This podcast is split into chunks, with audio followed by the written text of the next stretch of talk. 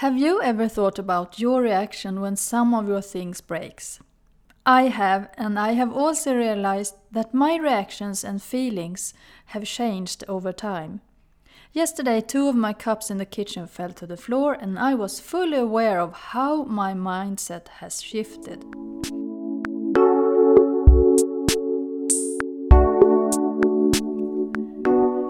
Design a Simple Life, and I'm Ylva Jansson. I'm a feng shui and simplify coach. My mission is to guide and help you create the most wonderful home and life as simple as I can. Welcome either if you are here for the first time or if you have been here before. If you like what I share here in my podcast, give me 5 stars in iTunes if you want to listen to more episodes. It would also mean a lot if you could leave a friendly review there of something you get from my podcast. Thank you in advance. In the last episode, I told you about the Simplicity Lifestyle membership. The membership and community for all women who want to add simplicity into their lives and make a change. Maybe you already have started to simplify your home and life, but need some kind coaching, or if you are a total beginner, my membership is for you too. We're going to declutter together in the monthly workshops, and you will be well coached in the monthly masterclasses as well about simplicity, feng shui, and holistic mindset.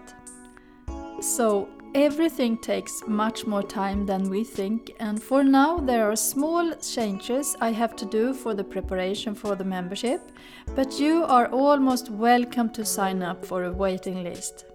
Just go to my website www.ylvamariadesign.com slash the simplicity lifestyle and sign up for the waiting list and I will send you a notification when it starts up. I'm looking forward to see your name on the members list. I can guarantee you that this is going to be amazing.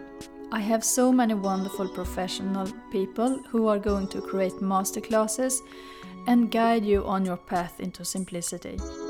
Me myself is also going to have own masterclasses and the first one is about of course feng shui for your life. Feng Shui and also affirmations has helped me create the life I have today and I'm so excited to share it with you. So you also can create the life and home you want. So go and sign up for the waiting list to be sure you don't miss this. Today we're going to talk about the mindset about when your stuff breaks. Maybe you can remember when you were a child and you accidentally broke something by mistake and someone become angry or show their emotions in a way. Or maybe you felt very sad when some of your things you liked get broke. I think this is very common and especially between child and adults. It's so easy to show the emotions too much for our children when they by mistake break something. And the result of that is a crying child in a locked room or a corner. And that scenario isn't healthy. So if you're there, I think it's time to start think a little bit different. All children break something by mistake now and then, and that's a part of our life. So don't get upset when your children break something. Take it easy and you'll have better relation with your children. According to feng shui, it's not positive to save things which are broken, so the best thing is just to let it go without any attention at all. If it was your beloved vase from your grandma or something, I can understand your sad feelings. But remember, she is in your heart anyway and not in your vase. It just reminds you about her, but there are other ways to think about the one who has passed away. When my mother died long ago, I was very attached to her stuff. She left, and it was very difficult to leave them to some sort of recycling or something. Why? Because I thought she wouldn't like if I didn't save them, which was so, so wrong. I think she is very satisfied in heaven now when I have just the things I love in my home and not have several boxes with stuff I never use or like. When you have just the things you like, it's also so much easier to style your home in the way you want because you get more inspiration to create something new. If you have a lot of stuff, you get tired and your mind will be blocked and your energy are also affected. When two of my cups fall to the floor last week, my first reaction was, Oh no! because, as I said, I love my things in my home. The second thought shifted to the why. Why did they broke? The answer I got was that I don't know, but it doesn't matter. It doesn't matter anymore. It's not my things that matter the most in my life.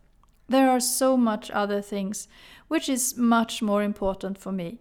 For example, that my daughters feel good and that they have created the life they desire, or at least they have started to create it. they are still young and my love for them are endless. I think you can relate to that if you have own children. For me, they are number one. So my mindset has changed about my things I have in my home. Yes, I like my things, but they are not the most important for me. As I said, there are other things that matter more for me. If your home is much cluttered and you have a lot of stuff everywhere, it's also very easy that things breaks very easy because there aren't not so much space for you to move yourself in your home and very easy that something falls to the floor. You get irritated very easy if you have much stuff, but you might not realize it before you start to declutter your home. Then you will see the change. This was what I have in this episode, and if you would like to listen to more episodes, I have made many. Just go to the episode list in iTunes and you can choose what you want. I have made many episodes about feng shui, decluttering, and health, and I have also made many interviews. For example, the last one I did with the amazing Sarah Dew, who talked about how to love your home more. She is also my first guest in the Simplicity Lifestyle membership, and I feel so grateful for that. So don't forget to sign up for the waiting list at my website www.ylvamariadesign.com slash the simplicity lifestyle. You will also find the link in the description for this episode in iTunes. And if you would like to listen to all my episodes, you have to head on over to iTunes to find them all. You can listen at my website as well, but there are just the latest episodes. If you would like to get started to declutter, go to my website again and sign up for the 3 days free wardrobe declutter course. That's a very good space to start with, and it will also give you more harmony into your life if you have less clothes to choose from when you get dressed. So, if some of your things breaks, take it easy don't get upset and remember there is other things in your life which is more important than your stuff. Have a wonderful day and see you in the next episode.